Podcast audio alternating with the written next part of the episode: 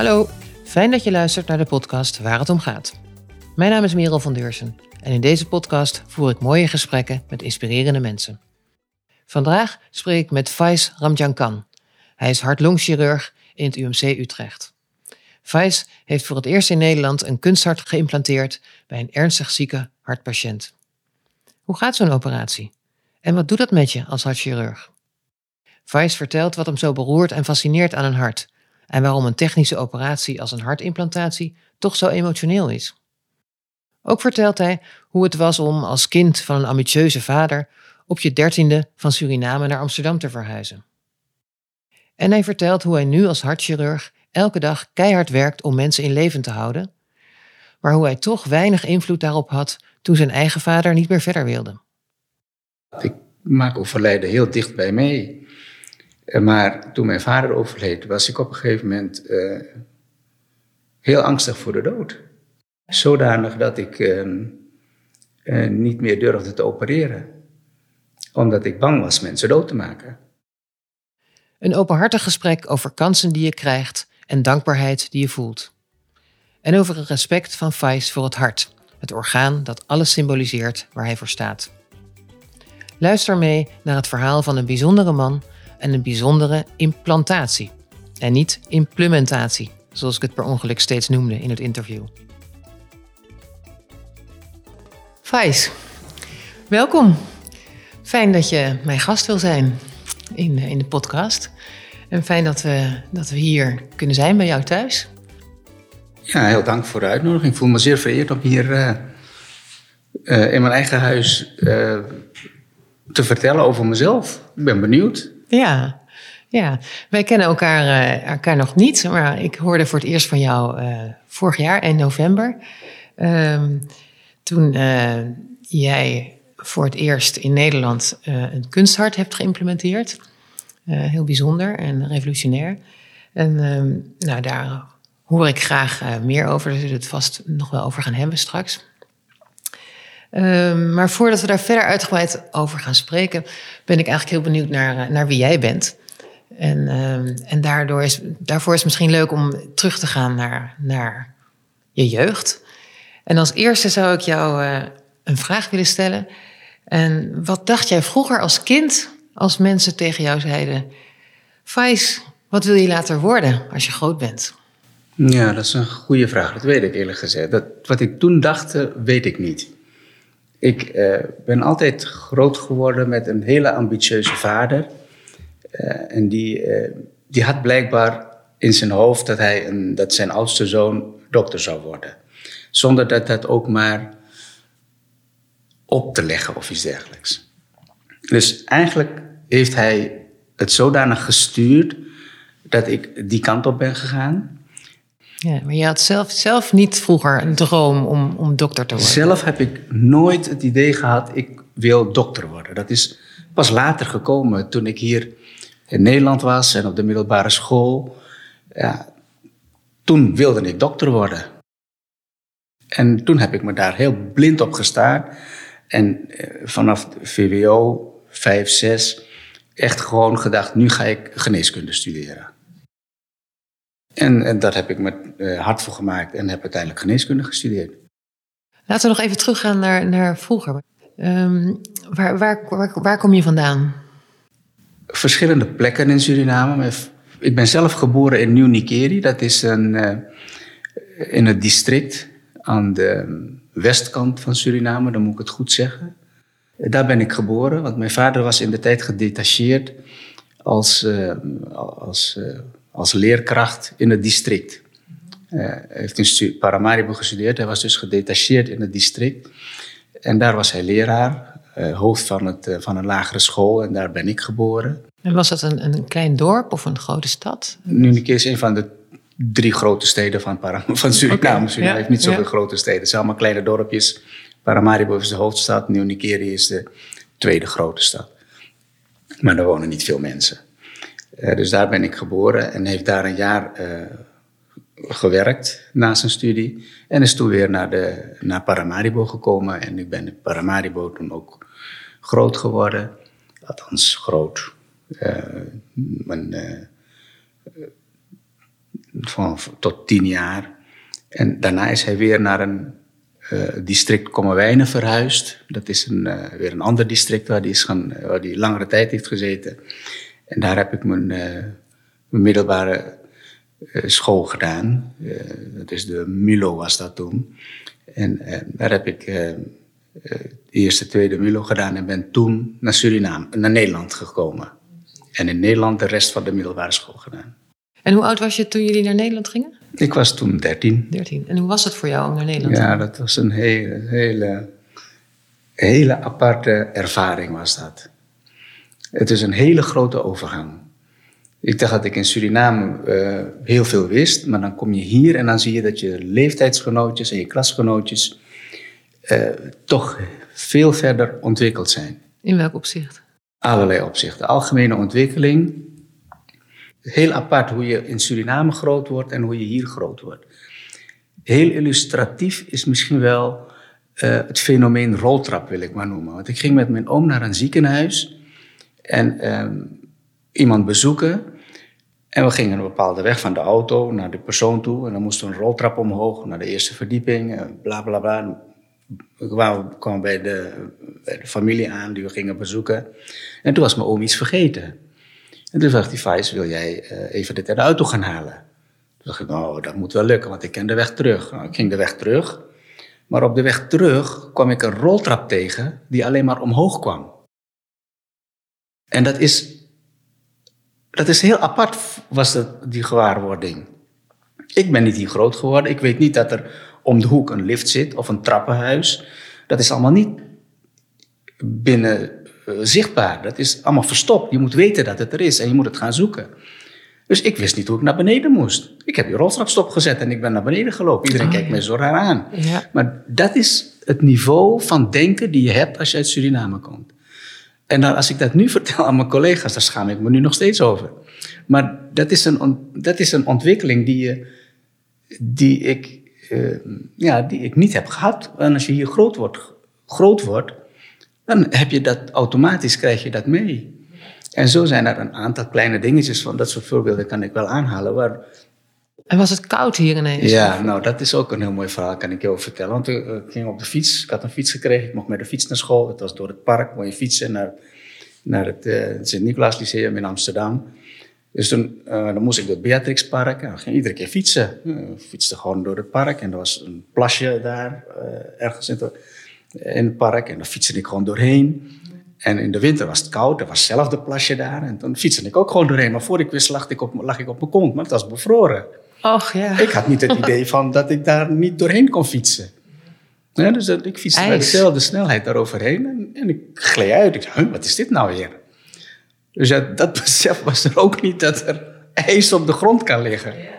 Ja, dus, dus, ja, zo ben ik hier een beetje groot geworden. Ja, dat lach ik nu allemaal om. Maar dat is wel, toen ik 13, 14 was, was dat wel mijn werkelijkheid.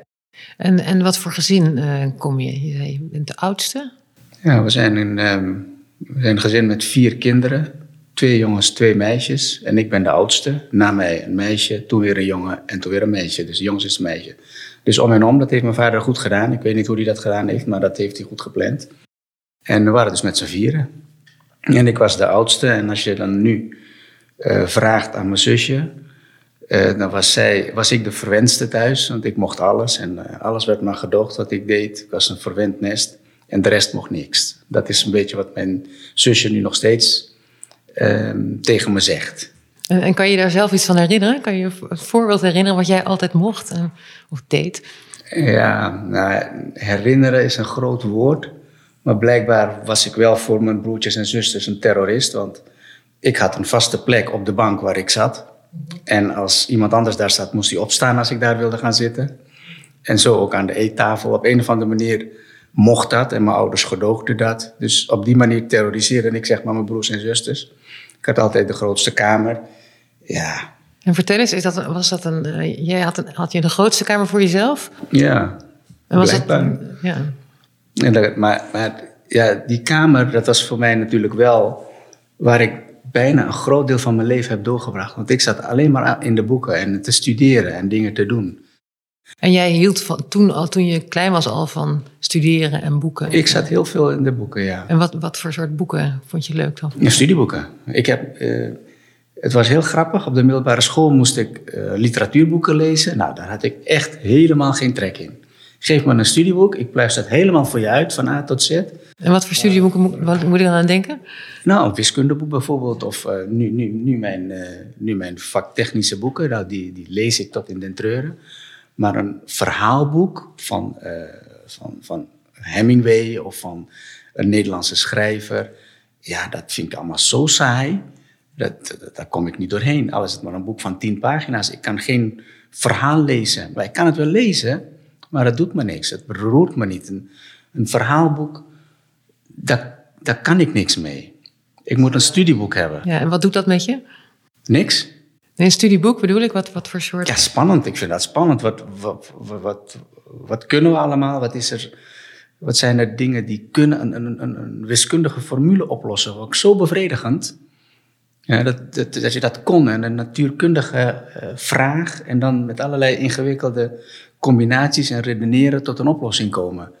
Ja, dat vond ik fascinerend. Ik vond het altijd heel bevredigend als ik een wiskundeoplossing kon maken en mijn schoolvriendjes niet.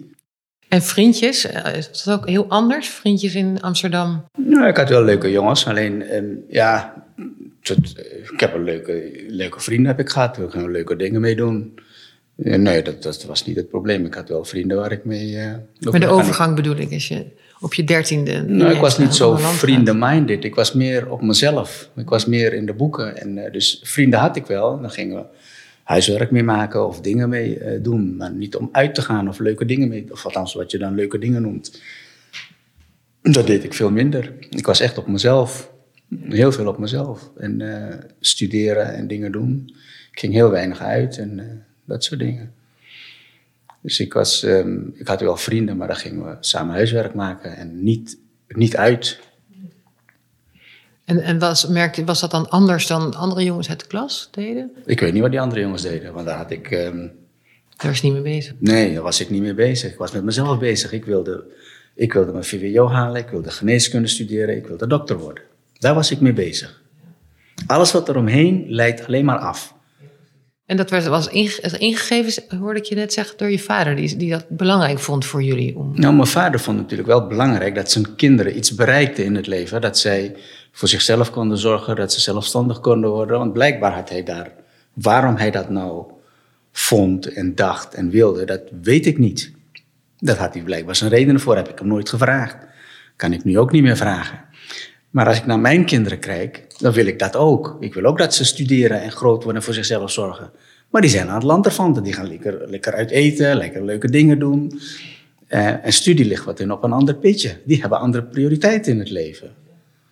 Dus de, de, waar dat nou door komt, dat weet ik niet. Maar het is gewoon zo. De maatschappij is nu anders. De maatschappij was toen anders. Waren de kinderen anders? Waren de mensen anders? Was... Ik weet het niet. Ik denk als ik nu klein zou zijn en uh, hier zou moeten studeren, zou ik misschien met een andere passie studeren. Zou ik het op een andere manier hebben gedaan. Net zoals mijn kinderen misschien, dat weet ik niet. Misschien wilde ik ook uh, de armoede ontvluchten in waar ik zat. En dat ik dacht, met studie moet je verder komen. Dat is dan wat je vader je wijs maakt.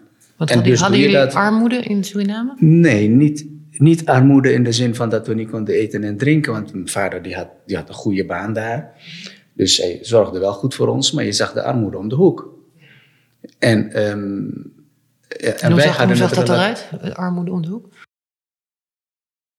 Mensen die in hutjes wonen. Wij woonden in een mooi huis op hoge neuten, zoals dat heet.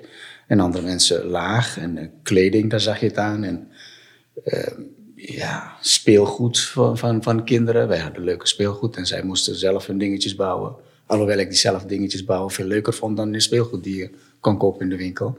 Maar dat soort armoede denk je van, nou, als je in dit land blijft en je hebt niet het geluk, dan, um, dan kom je niet verder. En wij hadden wel een beetje geluk. Althans, eh, ik had een vader die best, uh, mijn ouders die waren best, hadden een goed leven, maar het was blijkbaar niet voldoende. Ik denk dat hij het idee had dat die maatschappij waar we in leefden niet uh, voldoende was om nog verder te komen. En daarom is hij uh, daar denk ik vertrokken.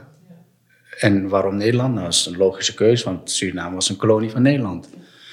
En hij heeft hier toen, um, heeft hier ook een paar keer, uh, is hij geweest om hier uh, gedetacheerd te werken in, in Nederland, in de 70 jaren.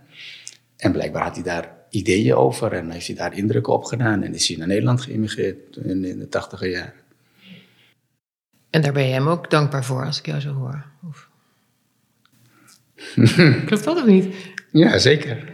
Ja. Tuurlijk ben ik hem daar dankbaar voor. Dankzij mijn ouders zijn we waar we zijn, waar we nu zijn. Ja. En dat, uh, ja, daar word ik een beetje emotioneel van. Want dat is wel, um, dat is wel de crux van het geheel. Want dankzij je ouders ben je waar je bent. Er zijn een aantal mensen in het leven die, uh, die zorgen dat je komt waar je komt. En dat zijn om te beginnen je ouders. En uh, als je die niet had, was je er sowieso niet. Dus uh, ja, die moet je sowieso dankbaar zijn voor wat dan ook, hoe dan ook.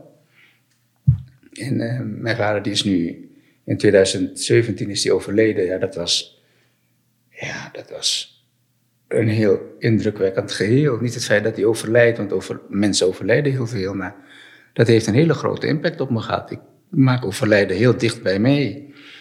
Eh, maar toen mijn vader overleed, was ik op een gegeven moment uh, heel angstig voor de dood. Zodanig dat ik uh, niet meer durfde te opereren. Omdat ik bang was mensen dood te maken. Dat is een heel raar psychologisch fenomeen die bij mij toen gebeurde. Ik heb, ik heb even een paar weken heb ik, ben ik echt uit de running geweest. Ik heb gewoon gezegd, ik wil niet opereren meer. En dat heeft zich gelukkig wel goed, heb ik me, ja, weer bovenop gekomen is natuurlijk gewoon een rouwproces van het overlijden van je vader. En, um, maar dat is, ja, dus dankzij hem ben ik wel waar ik ben. Ja, dus hij is heel belangrijk voor je geweest, je vader. Mijn vader is wel heel essentieel geweest, ja. Hij heeft heel wel gezorgd dat ik uh, daar ben gekomen waar ik uh, ben. En,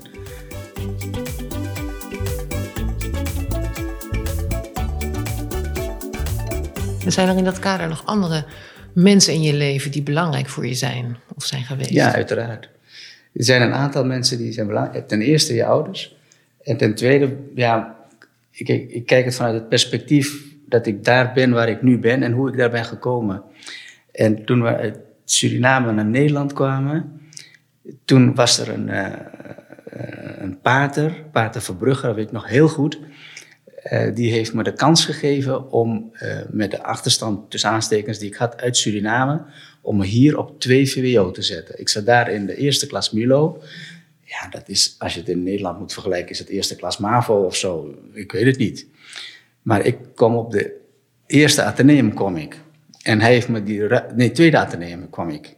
Die ruimte heeft hij me gegeven. En wat was dat voor man, die pater? Pater Verbrugge was dus van, van een katholieke school. Sint-Nicolaas was een hele gelovige school. En hij was een van de paters die in het gebouw daarnaast woonde. En hij was de, de directeur van, het, van, het, van de school. Die zei van, nou oké, we gaan jou de kans geven. Ik had achterstand van een jaar met Duits, want ik heb nog nooit Duits gehad. Ik had achterstand met Frans. Ik had uh, met wiskunde. En alle vakken had ik een, een achterstand van ongeveer een jaar. Maar ik zat in twee VWO. Dus ik heb met bijlessen, heb ik dat met kerst, heb ik één heel jaar uh, ingehaald en was ik op niveau in het tweede jaar. Jeetje. En, um, op, ja, en, en dat zag die man. Maar uh, hij mij die kans geboden om dat te kunnen gaan doen. Als hij me niet op die school had aangenomen. Want ik weet van mijn vader dat hij een aantal scholen heeft geprobeerd om mij uh, daar te komen. Ja, één eerste klas daar wilde een heleboel scholen mee hebben. Mijn vader die was natuurlijk een streber. En ja, daar zal ik het ook wel van hebben. Maar die wilde mij natuurlijk op de tweede klas hebben. Die wilde voorkomen dat ik allemaal jaren zou verliezen. Ja. En, en, en Pater Verbrugge die liet me toe op de tweede klas van, de, van de, het Atheneum, het Sint-Nicolaas Lyceum. En daar, en daar ben ik gezeten. En ik mijn zes VO heb ik in vijf jaar dus heb ik mijn VO-diploma gehaald. Dus Verbrugge is, uh, is de volgende waarvan ik denk, nou die heeft mogelijk gemaakt naast mijn ouders wat ik uh, ben geworden. En de laatste persoon die ik nog benoemd wil hebben, is want ik, uh, Ik wilde dokter worden. Dat wist ik als... dat wist ik relatief vlot, wist ik dat ik dokter wilde worden. Maar wat voor dokter? Er zijn een heleboel soorten dokters. Ik had geen flauw idee. En op, op een gegeven moment... ehm, ja, hartchirurg. En je zegt even om, om een beeld te krijgen, je, iets fascineerde je. Maar was dat dan het vak of was het Geen een flauw arts? idee. Nee. Ik wist niet wat hartchirurgie inhield, maar ik wilde hartchirurg worden. Ik had nog nooit een hartchirurgische operatie gezien. Maar ik wist wel dat ik hartchirurg wilde worden. Maar waarom? Ik heb geen idee. Ik kan daar nu wel een antwoord op geven. Nadat ik nu 20 jaar hartchirurg ben, denk ik. Maar toen wist ik het niet. En ehm, degene dus wie ik nu als eh, persoon nog dankbaar wil zijn in mijn carrière, is natuurlijk degene die mij een opleiding heeft genomen om hartchirurg te worden. Want je wordt geselecteerd uit een hele grote groep jongens en meisjes. Want er komt per kliniek, er zijn 13 klinieken in Nederland, komt er eh, ieder twee jaar één opleidingsplek vrij. Dus de plek van 1996 mocht ik hebben van professor Bredet. Dat is En hij was de opleider toen. En dat is een opleidingsgroep, er zitten altijd een aantal chirurgen in. En blijkbaar was ik van degenen die daar in Utrecht zaten, eh, degene waarvan zij vonden dat het het pareltje was die ze de kans moesten geven. En ehm, nou, dat is eh, de, de tweede persoon, samen met degene die daar, eh, de opleiders die er toen waren, die me die kans hebben gegeven, dat ik die eh, ja, ook dankbaar ben dat ze, dankzij, als die mensen er niet zouden zijn, dan zou ik geen hartchirurg zijn geworden. En, en wat was dat voor man?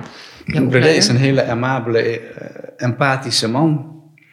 Hele aardige, lange man. Als ik die nu spreek, dan eh, eh, is hij heel trots dat hij, ehm, eh, dat hij mij eh, de kans heeft gegeven om te komen waar ik ben. En hij is ook ontzettend blij dat ik eh, dit heb mogen doen, namelijk de eerste kunsthart in Nederland eh, implanteren. Wat heb je van hem geleerd? Van professor Bredet.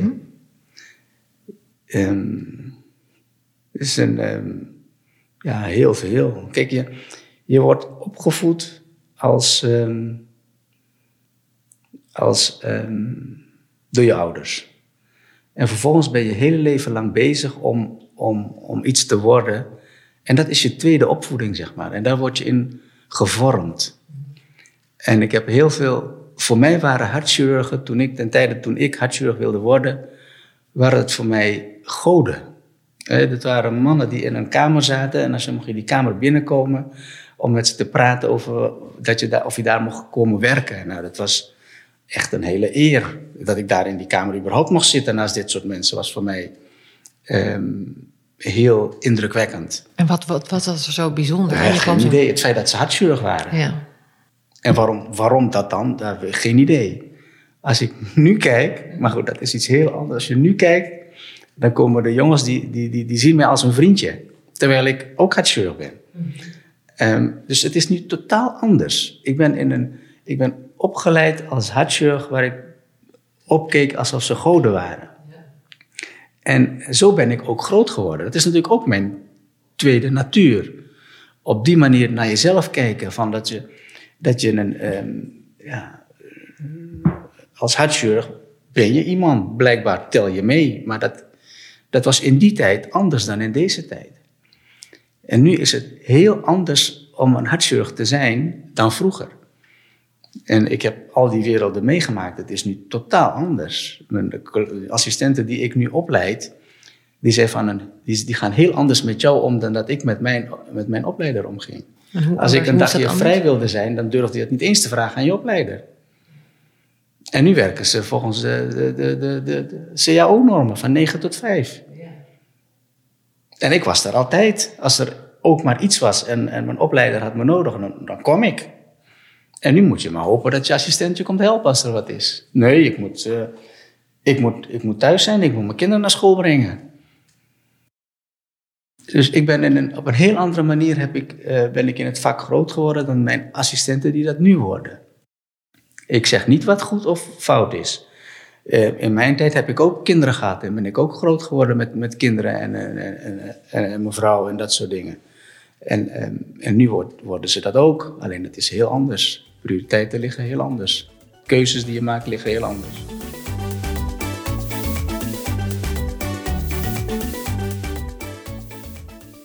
En je zei, ik wist toen eigenlijk helemaal niet waarom ik, waarom ik dat wilde worden. En je zei ook van, nu, nu weet ik dat wel. Ja. Dat is een hele interessante vraag. Professor Berde vroeg aan mij, waarom wil je hartchirurg worden? Ik zei, ja, ik weet het niet, professor. Ik bedoel, ja, als je ergens iets wil wat heel moeilijk, uh, waar je heel moeilijk inkomt... en je weet niet waarom, ja, dan is dat wel je hele zwakke, zwakke argumentatie... om te zeggen van, ja, ik wil dit heel graag, ik weet alleen niet waarom. Maar dat was wel mijn antwoord. Nou zit ik al twintig jaar in het vak en dan vraag ik me nog steeds af waarom wil ik hartchirurg worden. Ik vind het een prachtig vak. Het is keihard werken, je hebt nergens anders tijd voor. Het is, ja, ik, vind, ik vind het keihard werken. Niet alle mijn collega's zullen het met me eens zijn, maar ik vind wel dat het hard werken is. Om, uh, om, om, om het beste uit jezelf te halen. En dat moeten we als hartchirurgen. Het speelt met leven en dood, vind ik. Je moet je het beste uit jezelf halen. En om dat te kunnen doen, moet je, ja, daar ben je dag en nacht mee bezig met je vak. Uh, dat is, voor mij is dat het geval. Uh, en um, ja, waarom wilde ik dan hartchirurg worden? Als ik achteraf wist dat het zo hard werken was, was ik misschien wel tegelzetter geworden. Tuinman. Dus 9 tot 5 werken is klaar. Maar dan zou ik wel teleurgesteld zijn. Ik ben ontzettend blij in wat ik nu doe en met wat ik nu kan en doe. Um, en als ik dan me afvraag, waarom vind ik dat dan zo leuk? Hè? Wat, wat doet een hartchirurg nou? Een hartchirurg die opereert aan het hart. En het hart is een prachtig orgaan die in de borstkas ligt. En als je de borstkas openmaakt en je ziet het hart liggen en die klopt, ja, dat is zo, beroert je zo.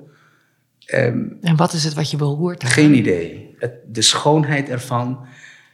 En nu gaandeweg mijn leven, denk ik, want ehm, wat mij ook heel veel bezighoudt in het leven is, is de liefde voor de medemensen, de liefde in zijn algemeenheid. En heel veel zachtheid en liefde voor elkaar. En geen, geen ehm, geweld, geen hardheid. Gewoon aardig zijn voor elkaar. En als je dan, als je dan denkt dat men. Als je dan uh, bedenkt dat als je iemand vraagt waar zetelt de liefde, dan zegt iedereen in het hart. Dus misschien is dat wel omdat ik zo ben. Goed, uh, het is natuurlijk altijd lastig om over jezelf te praten, maar als zachtaardig, liefdevol, altijd liefde proberen te doen met andere mensen. Uh, dat ik misschien daarom wel het hart zo uh, fascinerend vind. Omdat daar de liefde zetelt. En ook als ik aan het hart opereer en mijn assistenten zegt, als ze aan het hart opereren, zacht zijn voor het, niet, niet hard oppakken of ruw ermee omgaan, gewoon zachtjes en met liefde alsof het jouw hart is. Ja, dat, dat is een bepaalde manier en omgang met een orgaan waar je heel veel respect voor hebt. En misschien dat ik daarom wel hartchirurg wilde worden. Ik heb geen idee. Dat is nu in de retrospectie. Want we doen heel veel met het hart. We knippen het hart eruit, we zetten een hart erin, we opereren aan het hart, we leggen het hart stil, we laten het hart weer kloppen. Een hartchirurg doet alles met het hart wat je, wat je me kan voorstellen. En wat door de verbeelding spreekt. Ik bedoel, als, een, als je hart op straat stilstaat, ben je dood. Als het hart bij mij op de operatiekamer stilstaat, leef je nog. Alleen je hart staat stil. Ja, want ik kan daarna het hart weer laten kloppen en dan word je weer wakker op de intensive care en dan ga je weer verder. Dus het is voor mij een heel respectvol orgaan wat, ja, um, ja, waar ik, waar ik um, heel veel respect voor heb nogmaals. En een neurochirurg zal dat anders vinden, maar um, ik, uh, ik, zonder hersenen kun je ook leven. Als je hart niet klopt, ben je dood. Ja, dat is een lastige discussie, maar als je hersenen het niet doen, ben je ook dood. Dat is hersendood. Maar daar klopt je hart nog wel. En die kan je dan gebruiken om het in iemand anders te zetten. Waar het weer verder lekker kan gaan kloppen. Een harttransplantatie. Een hersentransplantatie moet ik nog zien gebeuren. Ja, want even over die, die, die hele vernieuwende operatie hè, van het, uh, het kunsthart, wat je voor het eerst in Nederland hebt geïmplementeerd. Dus het is trouwens geïmplanteerd. Implanteerd. Ja, implementeren is iets anders. Oh, ja, Wij implanteren. Ja, jullie implanteren, geïmplanteerd, ja, natuurlijk. Ja, sorry. Je vertelde ook dat het, dat het ook heel emotioneel was. Ja, het is een hele technische inge... Kijk, wat, hartchirurgen zijn technische mensen. Het is een heel technisch iets, maar het is heel contradictoir met wat ik net zei. Dat het hart zo'n uh, respectvragend orgaan is, dat je als hartchirurg daaraan mag opereren. Dat, dat, is, dat, is, dat wij dat mogen, dat is, dat is al een heel voorrecht. En, um, en het hart eruit knippen en een nieuw hart erin zetten, dat kunnen we ook. En het hart die klopt dan weer en de patiënten gaan weer verder.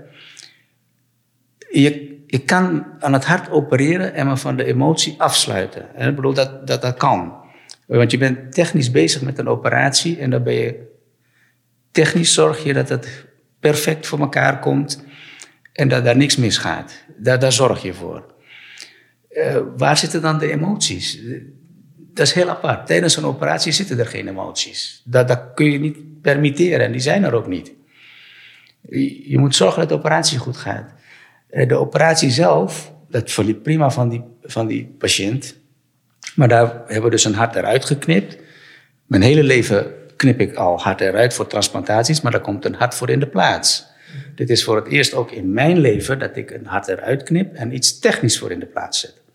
Namelijk een, kunsthart. Dat is gewoon een technisch iets, een dom apparaat wat, wat met allerlei foefjes en technische foefjes uh, het hart in uh, uitpompt. Uh, en dat was vertrouwen op de techniek. Iets heel anders dan het hart zoals onze lieve Heer dat gemaakt heeft. En dat was wel een hele, heel aparte sensatie om te vertrouwen op de techniek. En, en maar denken dat het dus goed gaat. En dat is wel een hele rare gewaarwording. Want je vertrouwde er zo op dat de techniek je iets vergelijkbaars doet als het menselijk hart. Dus, ehm, misschien wel naïef van hartchirurgen, of heel apart van hartchirurgen, om te denken dat het hart vervangen kan worden door iets technisch. Het kan wel. Ik ben er wel van overtuigd dat dit kan en dat we nog in de kinderschoenen zitten van deze techniek. Uh, en het zal denk ik zeker gebeuren en het zal zeker ook wijdverbreid toegepast gaan worden. Maar er moet nog wel veel verbeteren aan, betrouwbare techniek om dit goed te laten zijn. En wat was het nou dat je, wat je ja. gaf met een emotionele ja, dat, waar, dat je... Ik dacht, waar zijn we mee bezig in godsnaam? Ja, we spelen met patiëntenlevens. Ja, zo voelde het. Ja. ja. Deze meneer die zou dood zijn gegaan als, we die, als die pomp zijn, zijn gestopt. En we zetten er een nieuwe in en dan gaat hij weer verder. En als die stopt, wat dan? Gaat hij dan nu dood? Ben ik nu met, wat ben ik aan het doen? vroeg ik me af. En nu uh, ben ik daar, gaat het wel weer, maar die patiënt doet het nu goed. Maar ja, dit is, eh, dit is wel heel. En is het dan iets ethisch bijna? Of is het nee hoor, dat is gewoon emotioneel. Nee. ethiek, dat, dat, zit, dat is ook weer zo'n. Dan ga ik weer vroeger terug naar het verleden. Is zoiets abstracts, daar kan ik me niks bij voorstellen. Ethische discussies zijn goed dat er ethici zijn. Alleen wat zij allemaal zeggen, snap ik heel weinig. Want dit is iemand die sowieso al zo'n zwak hart had dat hij hiervoor in aanmerking kwam. hij had geen andere opties dan Precies, dit. ja. Een harttransplantatie was voor hem geen optie. Want daar zitten heel strenge criteria voor. En, ja, en als je geen harttransplantatie kunt krijgen, dan heb je op dit moment geen enkel ander hartvervangende middel die er is. En daar is uh, de kunsthart is nu het eerste wat er is, wat het hart in zijn totaliteit vervangt. Al het andere is ondersteunend aan het hart. Maar een hartvervanging, ja, daar zijn, um, daar, zijn heel wereldwijd heel weinig apparaten die dat kunnen doen. Op deze manier, zoals dat nu door de kunsthart is, uh, kan, zoals we die hebben geïmplanteerd in Utrecht.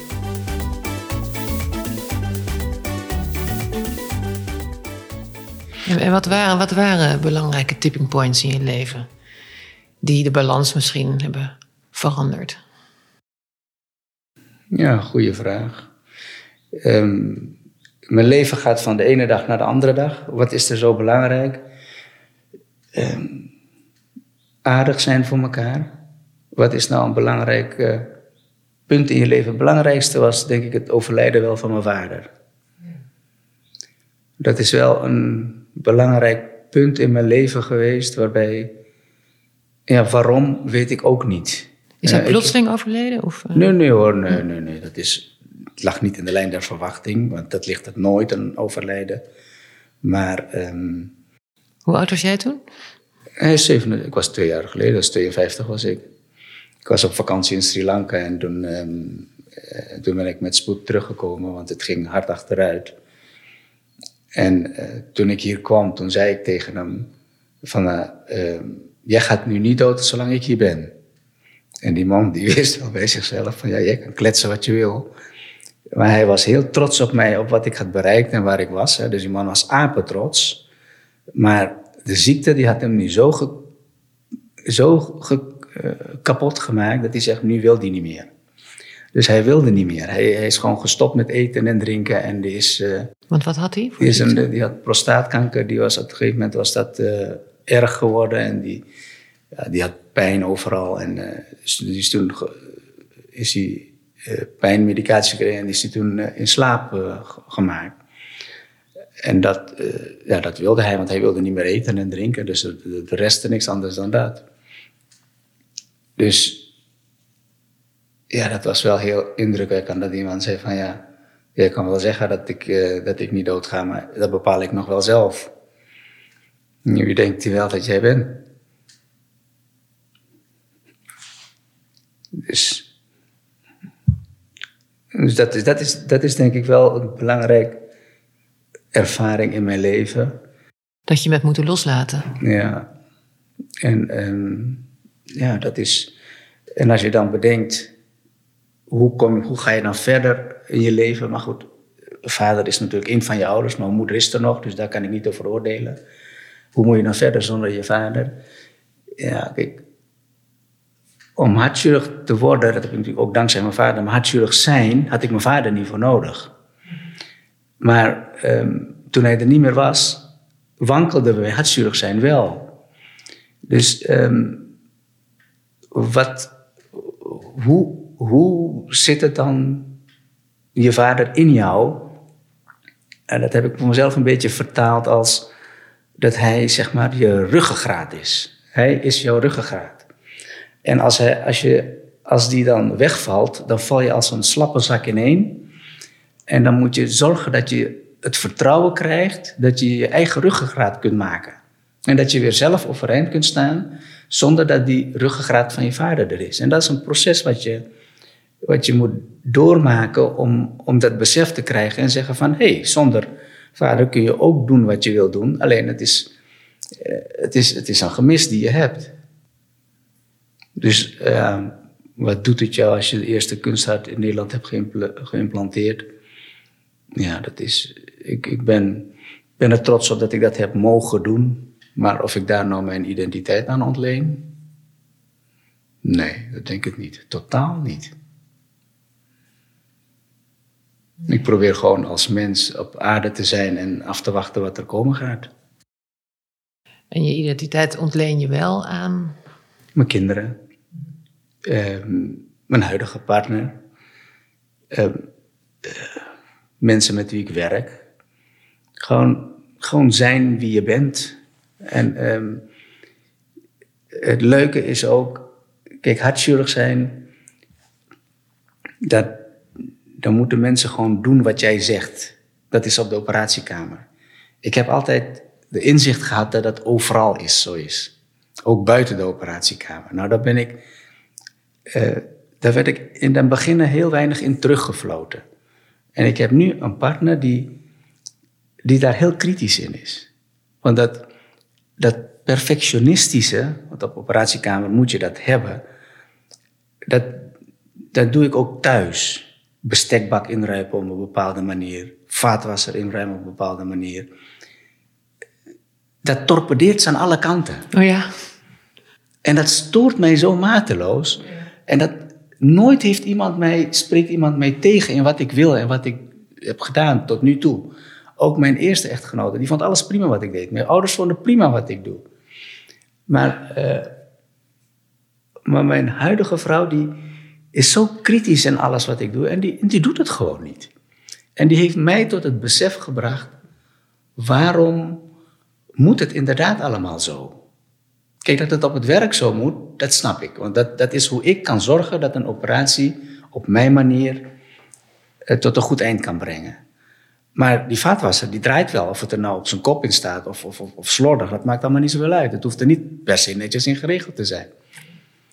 En dus dat besef, dat is voor mij gewoon een besef geweest. En hoe is dat voor jou om dat besef? Ja, dat is wel heel frustrerend. Frustrerend. Ja, dat het ook werkt anders. En, uh, maar ook leuk aan de andere kant. Ik heb heel veel van dit soort discussies met mijn vrouw. Van waarom moet het nou zo? Zeg, ja, maar waarom? Ik wil het zo. Zeg, ja, maar waarom dan? Het is niet dat ze zegt van nee, dat gaan we niet zo doen.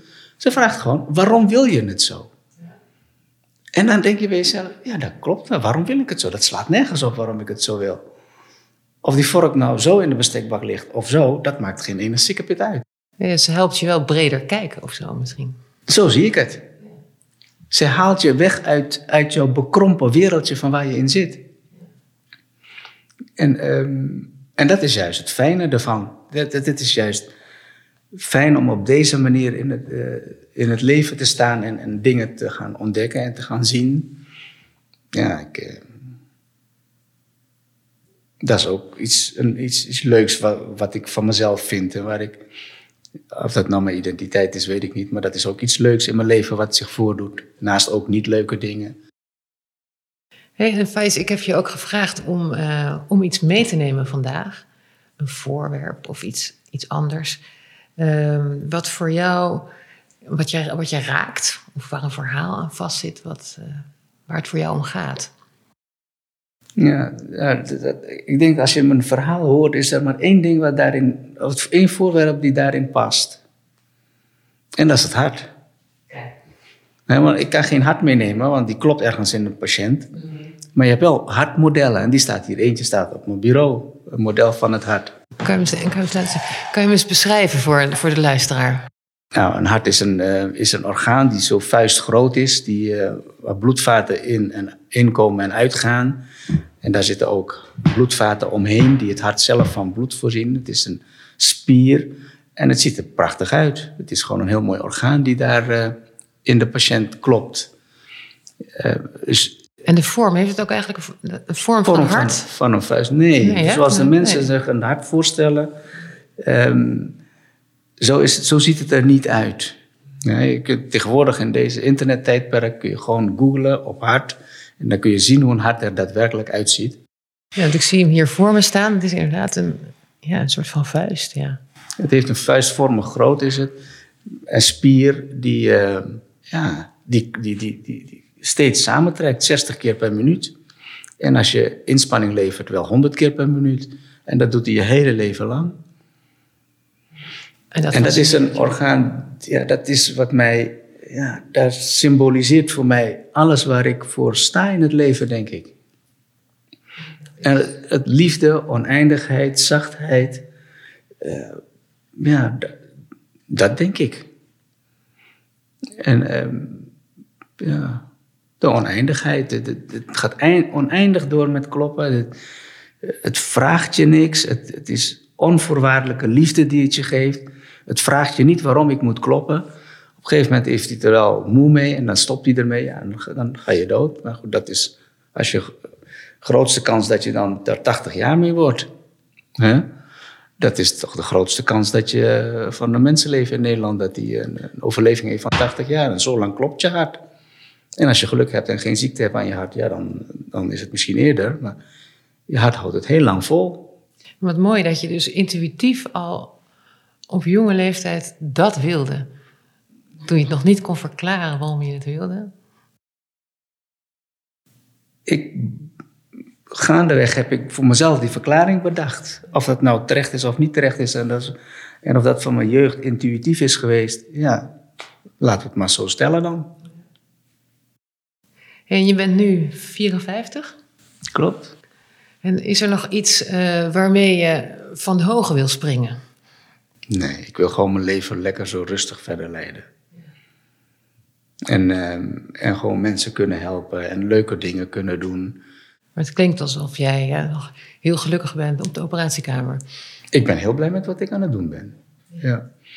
En, ehm, en ik besef ook wel dat er nog heel veel, misschien ook andere leuke dingen zijn om te doen. Waar ik misschien tijd aan moet gaan besteden en spenderen. Maar gewoon maar nadenken over wat dat dan is. Leuk reizen of uh, samen zijn met je vrouw en praten over leuke dingen. Dat is misschien ook wel leuk. Niet misschien, maar is ook leuk. En als je Vice nu weer eventjes terugdenkt aan die kleine Vice... Uh, die daar vroeger in zijn, in zijn kamertje zat, uh, in zijn boeken zat. Wat zou, je, wat zou die kleine Vice van toen willen zeggen tegen de grote Vice van nu? Nou, goed gedaan. Mm, mooi werk. Dat, uh, dat denk ik. Dat denk ik. Trots. Moet mijn vader ook zo zijn. En totaal niet iets anders, denk ik. Dankjewel voor het openhartige gesprek, Wijs. Geen dank. Graag gedaan. Dit was de negende aflevering van de podcast Waar het om gaat. Met als gast Faiz Ramjankan. Mijn naam is Merel van Deursen en ik maak deze podcast samen met Hidde Bruinsma. Ben je geïnspireerd door de verhalen van mijn gasten? Dan nodig ik je graag uit om de podcast te delen met je vrienden. En hem te volgen op je favoriete podcast-app. Dan krijg je alle nieuwe afleveringen automatisch binnen. En ook als je wil, geef ons lekker veel sterretjes, zodat zoveel mogelijk mensen kunnen luisteren. Dat helpt enorm.